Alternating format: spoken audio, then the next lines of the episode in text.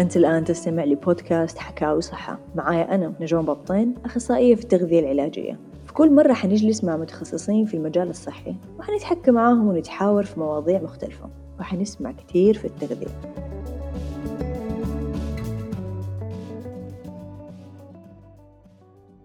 معدلات انتشار السمنة في تزايد كبير ومستمر عالميا ومحليا. ولكن معدلات سمنة الأطفال تحديدا بترتفع بشكل مثير جدا للقلق. السمنة مشكلة حقيقية وتأثر بشكل كبير على صحة الإنسان وتعد من أهم عوامل الخطورة للكثير من الأمراض المزمنة. أيضا توجد علاقة طردية قوية بين معدلات السمنة ومعدلات الوفيات في جميع أنحاء العالم. آخر الإحصائيات في السعودية عن سمنة الأطفال بتقول إن أطفالنا في سن المدرسة 23% منهم يعانوا من زيادة في الوزن و9.3% منهم يعانوا من السمنة.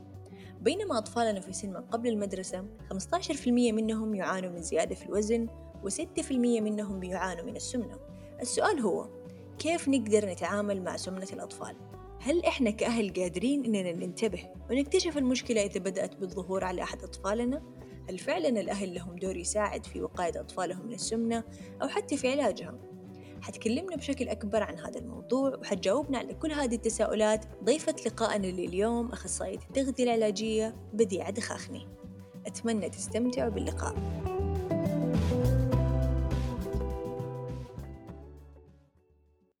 أهلا بديعة. كيف حالك؟ الحمد لله. كيف حالك أنتي؟ تمام الحمد لله. إيش أخبارك؟ كيف متعاملة مع الوضع الحالي؟ والله ماشي. بنحاول نعمل activity كل يوم نغير جو كده في البيت. يعني. طيب طب دي سمنة الأطفال. أتوقع هذا موضوع يعني مهم وممكن يواجه كل شخص فينا. يعني كل أحد فينا معرض إنه يكون عنده آه، طفل بيعاني من هذه المشكلة أو بدأ يعاني من مشكلة سمنة الأطفال آه سواء كان ابن أو ابنة أخت أو أخ. بس أنا أبغى أعرف أنتي إيش اللي خلاكي تهتمي في ده الموضوع أكتر؟ آه هو صراحة أنا عدى علي موقف في سنة الامتياز هو اللي خلاني يعني كده أفكر مرة كتير في ده الموضوع. الموقف هو إنه كنت في عيادة الأطفال طيب آه وكنت مع dietitian اللي في العيادة فجاء طفل عمره كده عشر سنين تقريبا وكان ما شاء الله obese طيب وعنده سكر كان عنده سكر وبياخد إنسولين ومدري إيه وكان obese والعيلة كلها دخلت مع أمه وأبوه وأخوانه كلهم دخلوا العيادة المهم فطول ما ال dietitian بتتكلم معاه عن السكر وعن الإبر وعن مدري إيه كان مرة ما شاء الله فاهم ومركز مرة في الموضوع. بس جت سيرة الوزن إن أنت لازم تخفف وزنك ومدري إيه وزي كده الولد مرة كش كده وانقلب وجهه وما صار عاجبه الكلام. وفي ساعتها صاروا الأم والأبو بي بيدخلوا في الموضوع. يعني بيقولوا هو أيوة ما شاء الله بس ياكل هو ما أدري إيه زي كذا يعني كأنهم كانوا بيشتكوا. ف يعني وقتها استوعبت إنه ما شاء الله طفل زي كذا مستوعب المرض اللي عنده مستوعب الأدوية ومستوعب دي الأشياء بس السمنة هي اللي خلته حسيته تضايق مرة.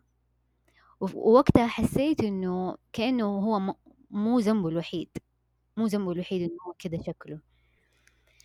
فبس من وقتها أنا حسيت إنه لأ يعني الطفل لازم لازم ما يحس بدي المشاعر لازم ما يحس إنه هو لازم ينزل وزنه ويفكر أصلا في ده الشيء في ده العمر بعدين يعني كمان موضوع السمنة أو مثلا زيادة الوزن هو موضوع له أبعاد مختلفة وحساس مرة لدرجة إنه حتى في ده الموقف كان حساس أكتر من من المرض نفسه اللي هو بالضبط. جاي بسببه أيوه. هو سكري بس يعني أنت ذكرتي نقطة مهمة إنه آه هذا مو غلطه لوحده. خلينا نبدأ نتكلم يعني آه إيش إيش هي مثلا إيش العوامل اللي بتسبب السمنة عند الأطفال؟ هو شوفي أغلب الدراسات اللي كانت آه لها علاقة بسمنة الأطفال أو العوامل اللي لها اللي لها علاقة بسمنة الأطفال كانت أول شيء المشروبات السكرية اللي هي العصيرات البيبسي السفن أي مشروب يكون فيه سعرات عالية. لأنه الأطفال بيستهلكوا بشكل كبير. آه الشيء الثاني الأشياء المقلية الأشياء ال fast food لأنه أغلب حتى ال Happy Meal أو الوجبات الأطفال بيكون فيها chicken nuggets هذه الأغلب حتى لما تروحي أي مطعم تلاقي غالبا وجبة الأطفال فيها chicken nuggets أشياء مقلية. فهذه أكتر حاجتين في الأكل لقوا لها علاقة في الوزن في زيادة الوزن. وكمان آه لقوا إنه الأطفال بي يعني فترة جلوسهم كتير يعني على السوني على التلفزيون على الإنترنت على المدري إيه ففي جلوس بيكون كتير. طب كيف نتجنب المشكلة؟ يعني يعني دحين آه خلينا نقول أنا عندي طفل آه كيف أنا أتجنب إنه طفلي يوصل لدي المرحلة؟ أو مثلا يوصل لمشكلة زيادة الوزن. كيف كمان إذا وصل لدي المرحلة أنا كيف أقدر أتعامل مع الموضوع؟ خلينا نيجي حبة حبة ونبدأ من كيف ممكن نقدر نتجنب. أول حاجة قبل ما نبدأ في موضوع الوقاية وإنه كيف نتجنب هذه المشكلة السؤال هو هل الأم والأب بيقدروا يحددوا أو بيقدروا يعني يعرفوا إنه ولدهم أو بنتهم عندهم مشكلة في الوزن عندهم زيادة في الوزن هل هم بي يعني estimate الوزن كويس ولا لا؟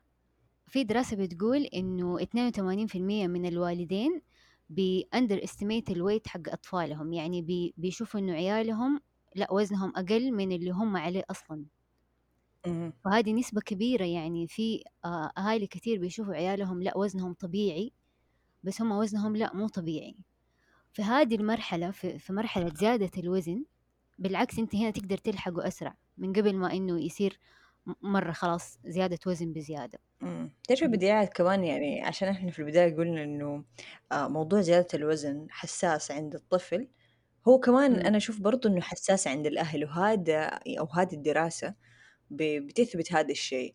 آه، الموضوع حساس فتلاقي دائما الأهل يعني حتى لو في مشكلة عند طفلهم أو مثلا آه، بدأت عنده بوادر المشكلة حقت زيادة الوزن فتلاقيهم في حالة الإنكار هذه وإنه لا طفلي في السليم لسه. هو صح بس إنه كيف أقول لك؟ لما يصير في وعي من بدري من قبل ما يصير في مرحلة سمنة وفي مرحلة طفولة أنت أنت كأم مرة يمديك تتدخلي آه، بشكل حيأثر عليه طول حياته. يعني إذا هو في عمر مثلا آه، 8 سنين عشر سنين آه، وعنده زيادة شوية في الوزن طيب ووقتها قدرتي تعلميه أشياء من غير ما تتكلمي بشكل مباشر إنه أنت لازم وزنك ينقص من غير ما تتكلمي بشكل مباشر إنه لا والله أنت لازم تنحف لأنه هذا الشيء طفل ما يستوعبه ترى وحرام يعني واحد صغير يعني يستوعب هذه المشكلة أصلا يعني مم.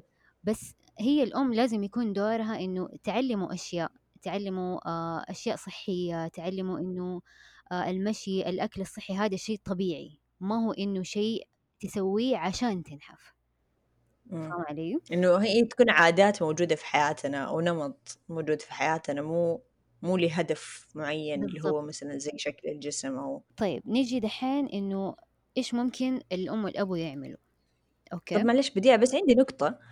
آم، هل الأهالي كمان هل كل الأهالي بيشوفوا إنه هذه فعلا مشكلة؟ لأنه في في مجموعة من الناس يعني كده ينبسطوا لما الطفل يكون كده عنده خدود و- ومستصح عرفتي؟ فهل آه هم كلهم مستوعبين إنه هذه فعلا مشكلة؟ ما أعرف ليش في أهالي ممكن يعني يشوفوا إنه لأ أحلى إنه هذا شيء دليل للصحة يعني إنه هو يكون مكلبز ممكن أيوة إنه والله ولدي مستصح بياكل الحمد لله. آه، هذا يعتبر ترى من ال من ال تيجي تصنف الأمهات إن هم ما عندهم نولج كويسة لأنه كون الأم ما تعرف آه إنه طفلها وزنه طبيعي ولا ما هو طبيعي هذا شيء آم، لحاله يعتبر مشكلة. مم. okay. طيب آه نجي للوقاية من هذه المشكلة وإيش دور الأم والأبو في الموضوع. أول حاجة عندنا نوعية الأكل اللي بتقدم للطفل. أشياء جدا بسيطة وأشياء يعني عادي الواحد يستوعبها بسهولة. أول حاجة الأكل المقلي طيب غير مشاكله على الصحة ال- ال- على الكوليسترول والمشاكل التانية بيضيف سعرات جدا كثيرة على الأكل. يعني هو ممكن بياخد قطعتين chicken nugget مرة فيها سعرات أكتر من ال- ال- الدجاج العادي. طيب آه فالأكل المقلي مرة يفضل إنه هو مو دايما يكون ال first choice مو دايما يلا إيش بتاكل أبى آكل بطاطس مقلية. لا تخلي الطفل على طول يفكر في الشيء المقلي ولا تعوديه على ذا الشيء. طيب آه، تاني حاجة المشروبات السكرية. من ضمنها العصيرات من ضمنها البيبسي أي أي مشروب فيه له سعرات كتير هذا مرة أكبر خطر على الطفل. ليش؟ لأنه العصير أول حاجة حينهضم بسرعة. طيب اداله سعرات عالية وحينهضم بسرعة وما حيشبع وحيرجع ياكل تاني بعدها. طيب بالنسبة للعصيرات آه مشكلة العصير إنه حتى لو كان فريش مو مشكلة بس يفضل مرة إنه هو يستبدل بفاكهة.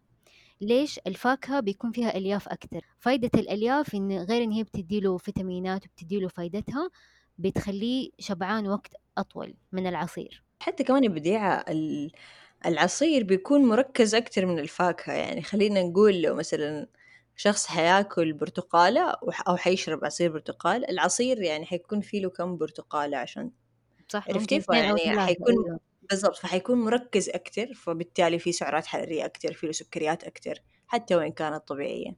طيب إحنا تكلمنا عن الأشياء اللي يفضل إن هي مرة تصير قليل في نظام ال... يعني في نظام أكل الطفل. طيب نيجي للأشياء اللي إحنا نقدر آه دائما نخليها متوفرة أمامه. عندنا زي ما قلنا الفواكه الخضار آه البروتين مصادر البروتين البيض السمك الدجاج. هذه الأشياء بغير إن هي بتديله فوائده بتخليه آه بياخد سعرات من مصادر مفيدة. ما بياخد سعرات من بس عصير أو من أشياء مقلية. عارفة؟ يعني يكون مصدر السعرات على الأقل يكون شيء مفيد. طيب آه كمان في آه موضوع ال- آه، إنه في البيت إيش اللي إيش السناك اللي متوفرة دايما في البيت أو إيش ال- السناك اللي لما الطفل يجوع على طول يروح يعني يعني أتوقع في في كل بيت فيه دولاب يكون فيه له آه يكون فيه له آه مفرحات. بس- بسكوتات مفرحات بالضبط.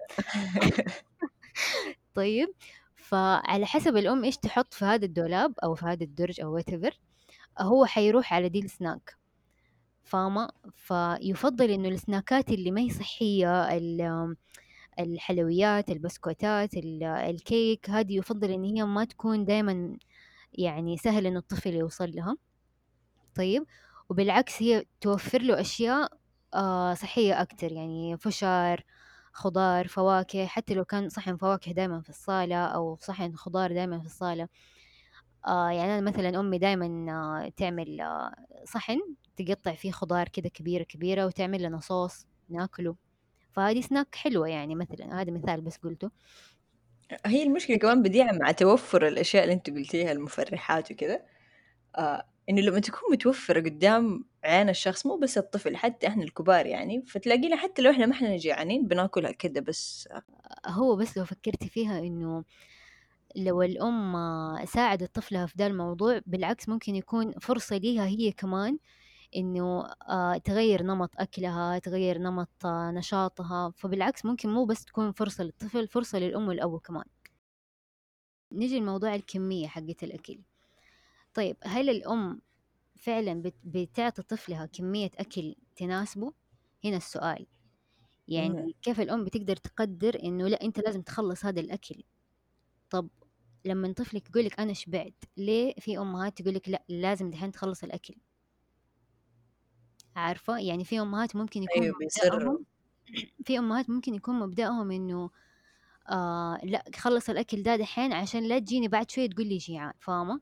أو أو ممكن يعني آه يعني هي دائما حتكون حاسة إنه طفلها ما أكل فدائما تبغى يكمل صحنه اللي هو أساسا من يعني من الأساس كان يعني اللي انغرف كمية كبيرة. أكبر مما هو يحتاج. فممكن هي يعني ما تكون فكرت إنه إنه طفلي أكل كفاية فتبغاه دائما يأكل كفايته. هو شوفي واحدة من الاثنين.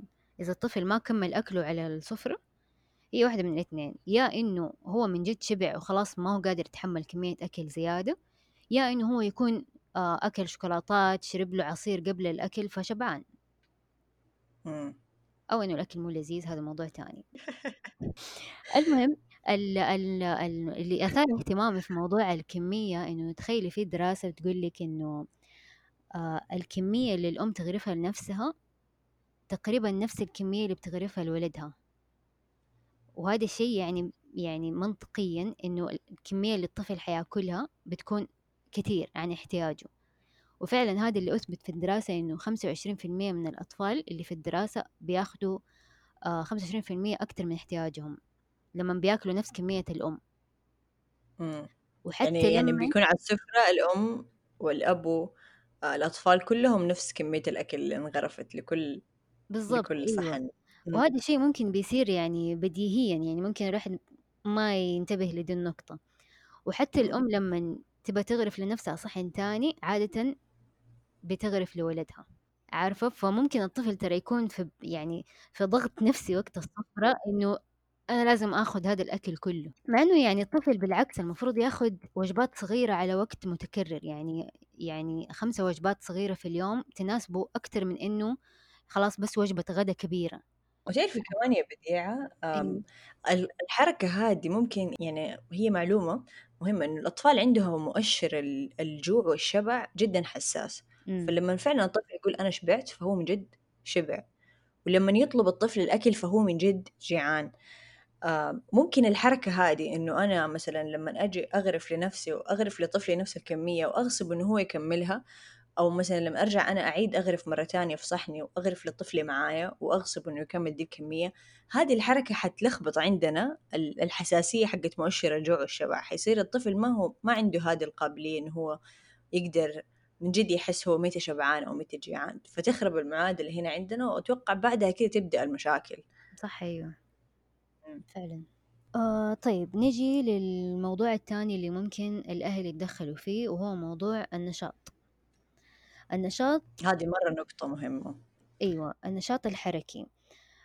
مو شرط يكون آه شيء رياضة أو مثلا مو شرط يكون نادي طبعا لأنه هو طفل لسه يبغى يستمتع في حياته يبغى يروح يلعب كورة يبغى يروح يلعب سلة. هذه الأنشطة اللي المفروض تكون آه في الطفل في ذا العمر. آه فبالعكس يعني الأم والأب لما يشجعوا على هذا الشيء ومرة حيكون حلو لو هم شاركوا شاركوا اللعبة اللي هو يحبها أو كورة أو whatever إيش كان مرة حيكون يعني تأثير إيجابي.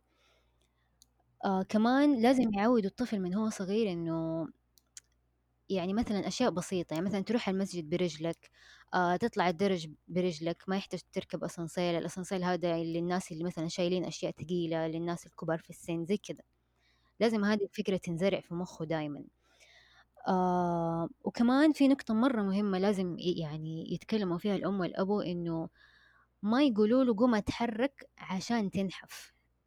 هذه الفكرة ما ينفع تتقال للطفل. أنت لازم تقوم تتحرك عشان صحتنا عشان قلبنا يشتغل كويس عشان رئتنا تاخد نفس كويس.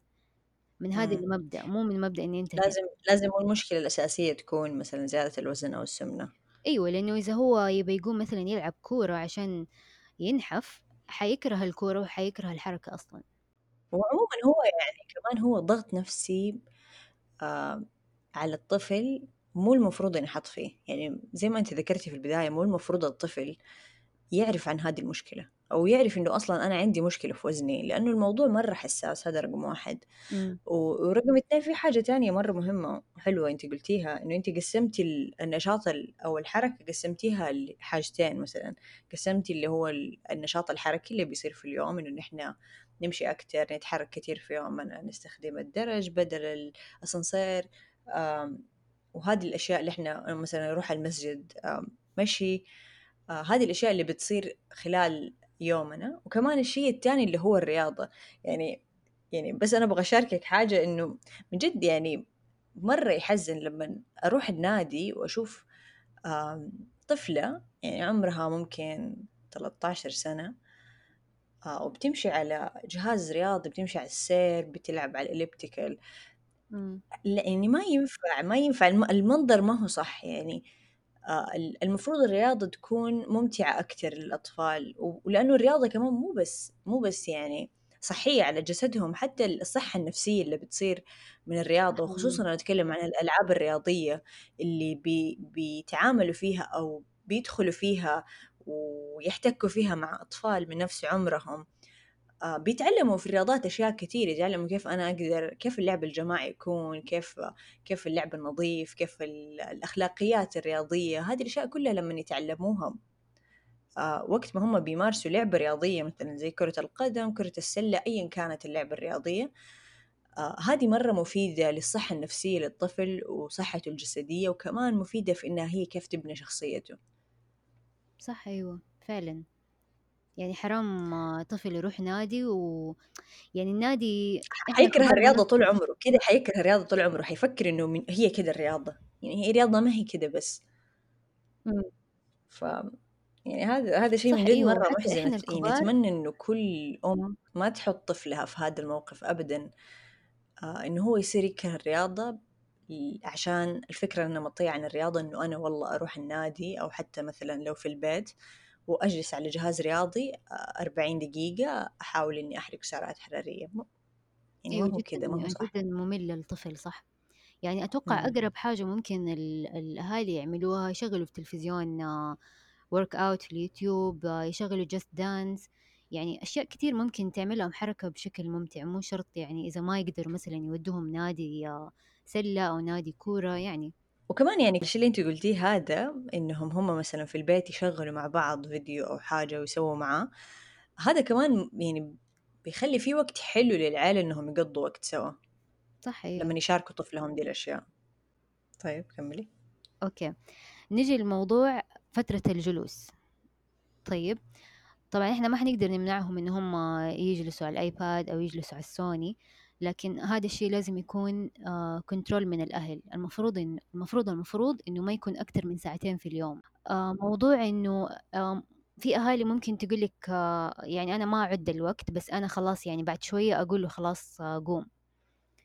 طيب لكن بيقول لك في الدراسات إنه 57% من الأهالي بيخلوا الطفل هو يقرر كم كم يجلس على ال iPad أو كم يجلس على السوني فهي هذه الحاجتين النشاط وفترة الجلوس. فإحنا نزود النشاط ونسوي control ل آه، ايا كان الجهاز اللي الأطفال يستخدموه وبسبب استخدامهم له هم بيجلسوا لفترات طويلة. وكمان ال technology بتساعد كتير في ده الشيء يعني ال iPad ات يمديهم يخلوها فترة معينة شغالة بعدين تنقفل. فهذا الشيء مرة مم. يساعد. طيب ثالث حاجة آه ممكن تكون ممتعة كمان للأم والطفل إنه الأم مع ولدها يعملوا زي الأهداف الأسبوعية. طيب آه إنه مثلا هذا الأسبوع إحنا نبى نمشي آه مثلا نبى نروح نمشي. طيب مثلا كل ثلاثة أيام في الأسبوع نروح نمشي. آه هذا الأسبوع ما نبى نشرب بيبسي مثلا. هذا الأسبوع نبى نشرب نبى نخلص قارورة الموية حقتنا. وطبعا أسبوعيا يصير في إيش آه تقييم على اللي صار. طيب ولازم لازم طبعا يكون في جائزة للطفل. يعني الطفل لو ما في جائزة ما حيسوي ولا حاجة. طب بديعة هل من ضمن الأهداف عادي يكون الهدف آه، إنه خلال أسبوعين حتنقص قد كذا كيلو أو يتغير مقاسك لا لا لا. الطريقة؟ لا أبدا. أبدا ما يكون الهدف آه، له علاقة في الوزن. آه، يكون الهدف يعني الجائزة. الجائزة اللي هو حياخدها في النهاية هي اللي حتكون الهدف. يعني تكون تحفيز أكتر من إنه أنت لازم توصل لمكان معين. بالضبط. التحفيز إنه أنت لو سويت كذا أنا حسوي لك كذا. أيوة يعني الأطفال بيطلبوا أشياء كتيرة وفي أشياء كتير يبغوها فإحنا ممكن من هذه الأشياء اللي هم بيطلبوها نخليها جائزة ليهم. أو حتى لو مثلا هو يبي يشتري لعبة يبي يشتري حاجة إحنا ممكن كل أسبوع آه الجائزة تكون مبلغ معين يصير هو يقدر يحوشها ويشتري بيها الشيء اللي يبغاه طب بالنسبة للحلويات هل عادي تكون الجوائز حلويات أو أيا كان يعني حتاكل الشيء الفلاني اللي أنت نفسك تاكله؟ هو شوفي هي هذه الثقافة اللي منتشرة عندنا إنه آه، يعني الطفل ربط الحلاوة والآيس كريم بأنه يعني بأنه هو حاجة ياخدها لما يسوي شيء كويس. عارفة وحتى الكيك يعني حتى الكيك مربوط بال... بمناسبات كتير. ولكن هو المفروض لا. المفروض ما يكون ال- الربط ما ما تكون الجائزة لها علاقة بالأكل. يعني إحنا بنحاول نعدل له نظام أكله نقوم نديله حاجة تخرب له فاهمة؟ وحتى, مم. وحتى الآيس كريم يعني كتير الوصفات اللي فيها آيس كريم تقدري تسوي أنت في البيت وتقدري هو تعلميه هو يسويه معاكي. فما يحتاج إنه هو حتى يشتهي الآيس كريم اللي برا. كمان أتوقع لما يكون تكون يعني تكون المكافأة عبارة عن نوع معين من الأكل أتوقع هذا الشيء حيضيف لذة أكتر لل- لنوع الأكل هذا فحيكون الطفل يبغاه أكتر عرفتي؟ صح. طب بدي إحنا تكلمنا عن عن كيف الأهل ممكن يتجنبوا المشكلة هذه أو آه إيش هم يقدروا يسووا. آه أو حتى كيف ممكن يتعاملوا مع المشكلة. بس بس ممكن في أمهات بيقولوا إنه أنا أنا أوكي أنا في البيت قادرة أسيطر على الموضوع ولكن لما الطفل يبدأ يروح المدرسة أنا ما أعرف الطفل إيش يأكل أو ما أقدر أتحكم في في أكله هو في المدرسة. آه، هذه هذه مشكلة مرة تواجه أمهات كثير ودائما هذا السؤال بيتعاد وي- ويتكرر يعني. فإيش إيش الأم تقدر تسوي؟ إذا هي ما هي قادرة تسوي كنترول في المدرسة. آه طيب شوفي هو الحل لهذا الموضوع طبعًا الحل الأول اللي هو الlunch box إن هي بنفسها تعمل له فطوره وياخده معاه المدرسة، لكن في أغلب الأطفال يرجع ما أكل الفطور اللي اللي معاه اللي أمه ادته هو وياكل اللي في المدرسة، هذه هذه أغلب الحالات اللي بتصير يعني، فهي المشكلة يعني أكل المدرسة صراحة ما هو ما هو صحي أبدًا، يعني أغلب ال ال المكونات الغذائية اللي فيه عبارة عن نشويات وسكريات، يعني كمية. البروتين فيه مرة قليل. هذه المشكلة الأزلية مع كل المدارس للأسف. أيوة. يعني ما أعرف ليش ما ما في شركات متخصصة في ال... في الأكل الصحي هي اللي تمسك المدارس. مرة حتكون فكرة كويسة للأطفال. يعني مو بس آه، يفطروا سندوتشات وعصيرات. يعني حتى العصيرات اللي أفتكر كانت في المدرسة آه، العصيرات كانت كلها شراب كلها شراب كانت يعني عبارة عن سكر وموية فمرة ما في أي فايدة في الأكل. آه لكن إحنا ما يعني إحنا ما حنقدر نتحكم في المدرسة إيش تجيب أكل. طيب لكن الأم يكون دورها إن هي تحاول تزرع ثقافة ال lunch box عند عند طفلها. حتى هي كمان لو تبي تروح دوامها تاخد معاها هي كمان lunch box. لأنه الطفل كل ما شاف أمه بتعمل حاجة ترى حتى لو ما قلدها دحين بس حتنزرع الفكرة دي في راسه إنه هذا الصح. مم. فهماني؟ حتصير عادة. بالضبط يعني حيشوف إنه عادي ما حيشوف إنه هو غريب إنه هو معاه lunch box فاهمة؟ آه كمان يعني لو أنت قلتي إنه معلش أنت قلتي إنه آه، ال- الأمهات لما بيرسلوا لانش بوكس مع أطفالهم بيرجعوا أكلهم زي ما هو. هل هذا الشيء المفروض يخلي الأم إنها توقف؟ ما ترسل أكل مع الطفل مرة تانية ولا لا حتنطبق نفس القاعدة اللي أنت طبقتيها اللي أنت قلتيها في البداية إنه مثلا لو الطفل ما بيأكل خضار أو ما بيأكل نوع معين من الأكل إن الأم دائما تخليه موجود قدام الطفل لأنه ممكن يوم من الأيام يأخده. آه أيوه هي شوفي هي يعني لازم تحاول ت- يعني تغير له الأكل اللي بتعمل له هو الفطور. يعني إذا هي مثلا دايما تسوي له آه ساندويتش وما بيأكله تحاول تديله شيء غير. عارفة آه وكمان يعني حتى في ال lunch box حقتها يعني تسوي له يعني ال lunch box حقت الأم وحقت الطفل تكون زي بعض يكون فيها خضار يكون فيها كده وهذا الشيء كمان لو قدرت الأم تدخله في ال في ال challenge اللي كل أسبوع يعملوه مع بعض مرة حيكون جيد. بس المشكلة إنه يعني ممكن الطفل عادي متقبل الفكرة وعادي إنه هو ياكل ياكل ال lunch box حقته بس آه في يعني في المدارس غالبا ما بي يعني peer pressure. ما بينظروا أيوه ما بينظروا للي معاه lunch box إنه إيش ده؟ خصوصا فترة الابتدائي آه مرة صعب إنه إنه إنه يصير في lunch box يعني في في بيصير تنمر أحيانا. يعني تقريبا في المدرسة يبدأ هذا الموضوع مع إنه أغلب الأطفال في مرحلة الروضة التمهيدي كلهم معاهم lunch box ما أعرف ليش هذه الثقافة اخت- اختفت ولكن هذا هو الصح المفروض. مم. والمفروض كمان إنه المدرسة تثقف عن هذا الشيء تثقف عن اللانش بوكس وإن أنتوا لازم تجيبوا أكل صحي معاكم. آه لكن ما أعرف إذا هذا الشيء بيصير ولا لا صراحة. فعلا المدرسة أتوقع لها دور كبير في إنها ممكن تنمي ثقافة ال- صندوق الغذاء أو صندوق ال- ال- الأكل عند الطفل. كمان ممكن ممكن الأمهات وقت ما يحضروا الوجبة اللي الطفل حياخدها للمدرسة ممكن الطفل لو قدروا يخلوه يشارك في, في تحضيرها ممكن من وقت لوقت. ممكن هذا الشيء كمان يساعد إنه إنه هو ممكن يعني ياكل لأنه أنا سويت بنفسي الأكل ده. صح أم، طيب بديعة إذا الأهل بدأوا أو خلينا نقول لاحظوا المشكلة عند طفلهم ولاحظوا إنه يعني فعلا في مشكلة في في زيادة الوزن أو في السمنة أو حتى ممكن في عادات الطفل الغذائية طيب الأم قررت إن هي تاخذ طفلها وتطلب مساعدة من شخص متخصص لمين تقدر تروح؟ طيب هو في أغلب الأمهات آه بيسمعوا آه كلام الواتساب وبيدوا يدوا ولدهم يشرب آه أعشاب يشرب أشياء يعني حرام طفل في هذا العمر يقعد يشرب أشياء زي كده والله حرام. فأنا أشوف إنه أفضل قرار إن هي تروح لأخصائية تغذية متخصصة في الأطفال. طيب وتقعد تتناقش معاها في في في المشكلة اللي هي بتواجهها أتوقع كمان. الشخص المتخصص أو الأخصائية حتساعد الأم في إنها هي تفهم قديش حجم المشكلة. يعني ممكن زي ما أنت ذكرتي في البداية إنه الأم ما تكون ما تشوف المشكلة بحجمها الطبيعي أو ممكن العكس إنه الأم تكون يعني بتبالغ شوية في الموضوع إنه طفلها كويس بس هي تبغاه يوصل لل... للمث... للوضع المثالي يعني.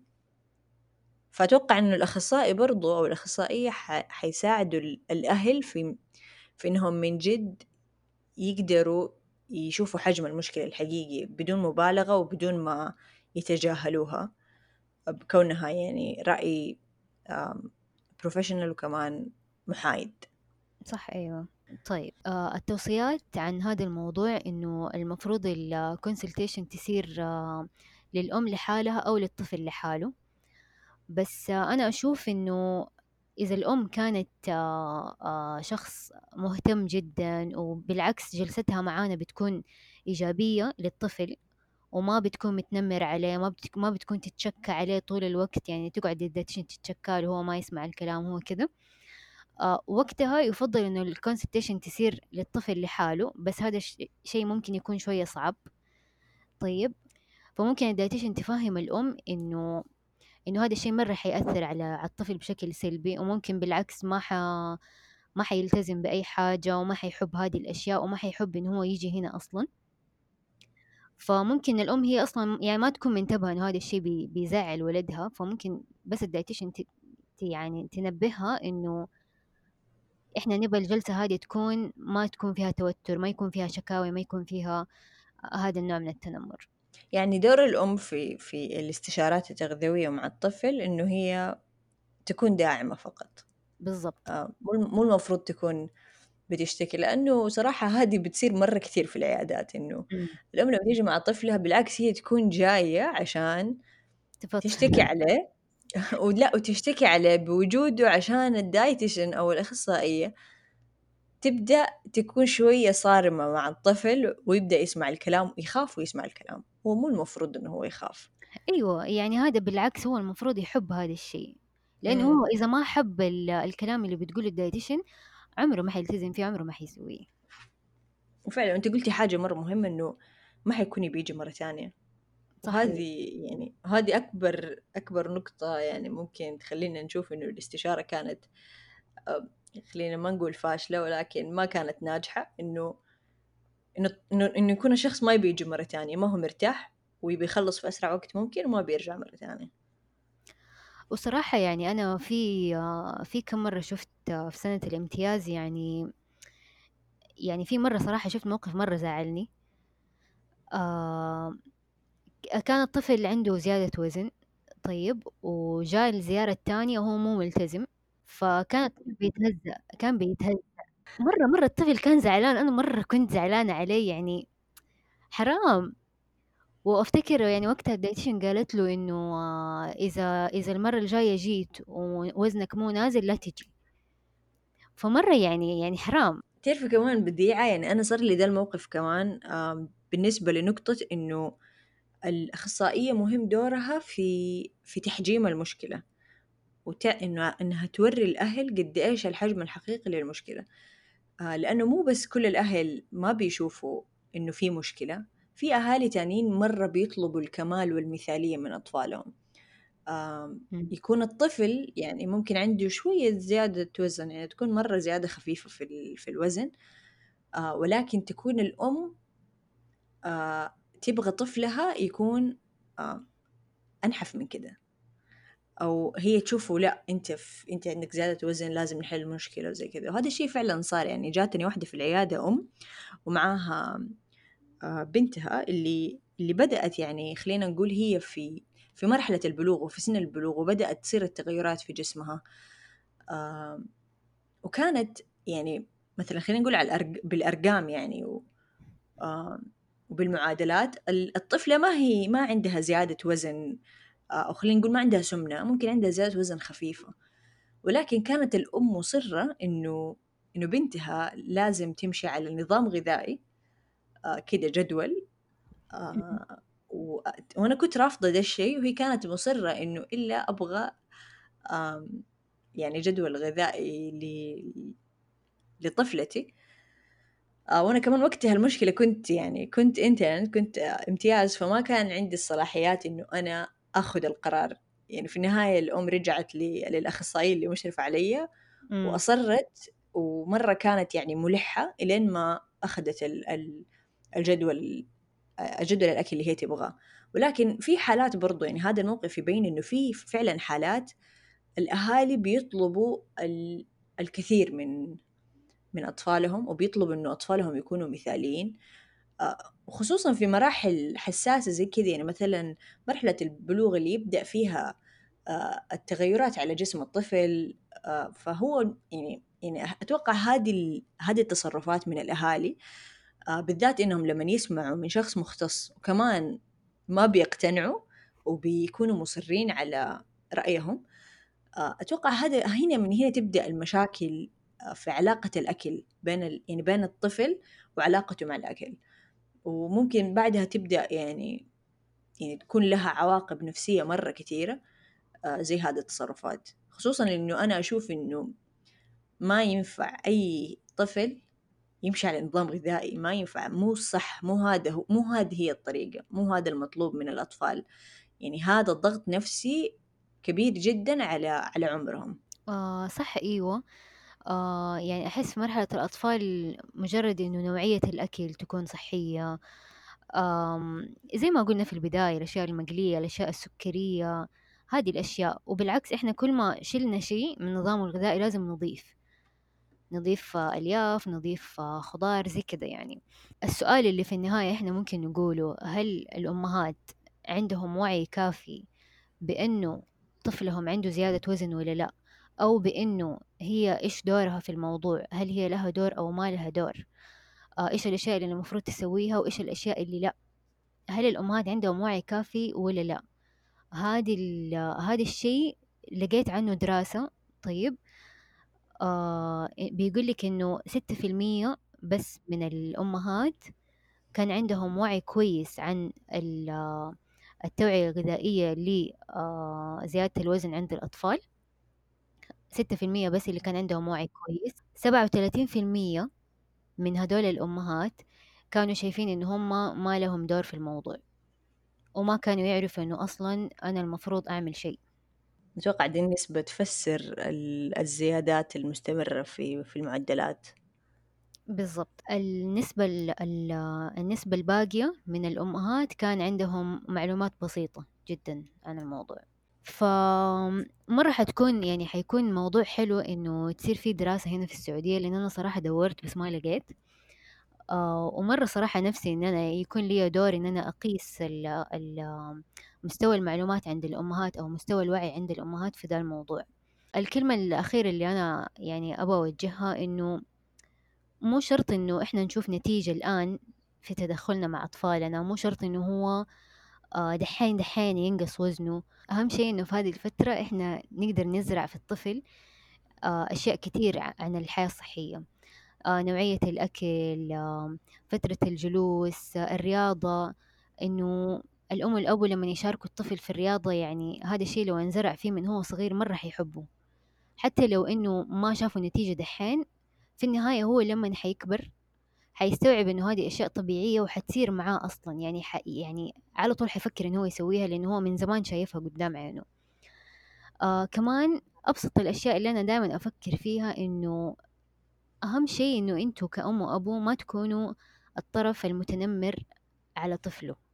يعني هو صح حيعرف من الناس الناس حيقولوا له إنه أنت مثلا وزنك زايد أو أنت دبة أو أنت مدري إيه بس أهم شيء هو ما يسمعها منكم أنتوا. لأنه هو دائما حيفتكر إنه أنتوا وقفتوا معاه ولا كنتوا بس بتتريقوا عليه وخلاص.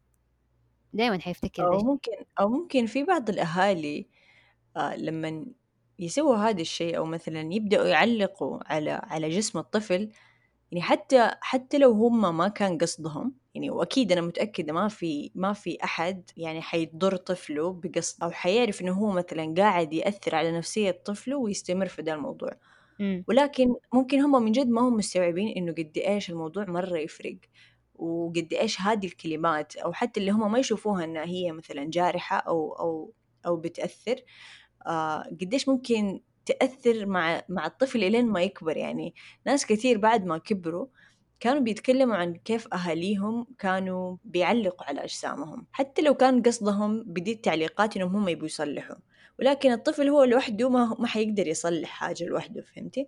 خصوصا إنه زي ما أنتي قلتي يعني إنه مو لازم كل حاجة تكون صحية مو لازم يعني الأشياء البسيطة اللي إحنا بنسويها آه إنه البيت كله يظبط أكله البيت كله يكون آه نشيط يتحرك هذه الأشياء يعني حتى لو إحنا كنا واقعيين إحنا ما حنوصل للمثالية ولكن دي الأشياء مرة حتفرق وال والعوامل دي اللي إحنا بنسويها في يومنا مرة حتفيد على المدى البعيد حتى.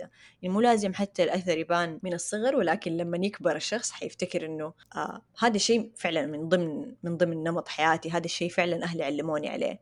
وحتى كمان يعني هذا الشيء بيدي آه بيدي مجال للطفل إنه لما يبدأ يكبر ويبدأ خلاص آه هو يبى ينحف بنفسه حينحف بالطريقة الصح. ما حيروح حينحف بطريقة غلط وما ياكل فما كل أغلب المراهقين بيدخلوا في هذه المرحلة يعني. فبالعكس يعني زي أنت من هو صغير علمته الشيء الصح حتى لو هو ما طبقه دحين هو لما حيجي الوقت اللي خلاص هو يبى يطبقه حيجي يسألك أنت لأن أنت كنت شخص بتساعده ما كنت شخص متنمر عليه. طيب آه، في البداية إحنا تكلمنا عن سمنة الأطفال وليش مهم إن إحنا نتكلم عن سمنة الأطفال؟ وإيش العوامل اللي بتوصل لهذه المشكلة؟ دور الأهل بطريقتين مختلفة في المشكلة. الطريقة الأولى في الوقاية وتجنب المشكلة وتاني طريقة إنه بعد ما تحصل المشكلة كيف ممكن الأهل آه، يتعاملوا معاها وكيف ممكن يقدروا يحسنوا الوضع. وكمان بعد كذا تكلمنا عن كيف نحن ممكن نقدر آه، نستعين بمساعدة شخص متخصص عشان يقدر يحجم لنا المشكلة ويقدر يساعدنا في حلها. وآخر شيء ذكرت آه، بديعة قد إيش إنه ما في آه، وعي كافي من قبل الأهل من ناحية التغذية السليمة لأطفالهم وأهميتها وكيف ممكن يقدروا يتعاملوا مع مشاكلها. آه طيب بديعة عندك رسالة تحبي توجهيها ل أيوه. الكلمة الواقعية اللي أنا بقولها إنه يعني مثلا أنا لسه ما صرت أم وعارفة إنه هذا الشي صعب وعارفة إنه هو مسؤولية وعارفة إنه أنت عندك أشياء تانية مسؤولة عنها غير آه، الأكل غير الطفل عندك أشياء عندك مسؤوليات مرة كتير. أنا عارفة حجم التعب اللي أنت كأم بتتعبيه بس أهم شيء يعني الواحد يحاول. أهم شيء إنه الواحد إنه قال أنا جربت أنا حاولت. أنا وقفت مع طفلي. أنا على الأقل ما كنت آه، متنمرة عليه. ما كنت سبب في إنه هو ممكن يتضايق. وإن شاء الله يوما ما نعمل ريسيرش عن ذا الموضوع ونكبر مجال البحوث في آه، موضوع سمنة الأطفال. طيب ممتاز. يعطيك العافية بديع. صراحة يعني الحوار كان جدا مثري نورتيني وشرفتيني وانبسطت مرة بالمعلومات اللي ذكرتيها ومتأكدة إنه كل الناس اللي بيسمعونا كل الأمهات والآباء اللي بيسمعونا استفادوا آه بشكل أو بآخر من هذا البودكاست. و... وحتى لو كان في أشخاص مقبلين على الزواج أو مقبلين على إنهم ينجبوا أطفال آه مرة مكان كويس إنه يبدأ كل من الزوج والزوجة في في تثقيف نفسهم عن موضوع التغذية لأنه فعلا الموضوع جدا مهم. آه وجزء مهم من حياة طفلك هو أكله. فمهم إنه الاثنين يتشاركوا المسؤولية هذه ويبدأوا يثقفوا نفسهم ويوعوا نفسهم عشان يعرفوا إيش الشيء الأفضل لطفلهم. يعطيك العافية بديعة مرة ثانية وشكرا الله لك يعطيكي. الله يسعدك.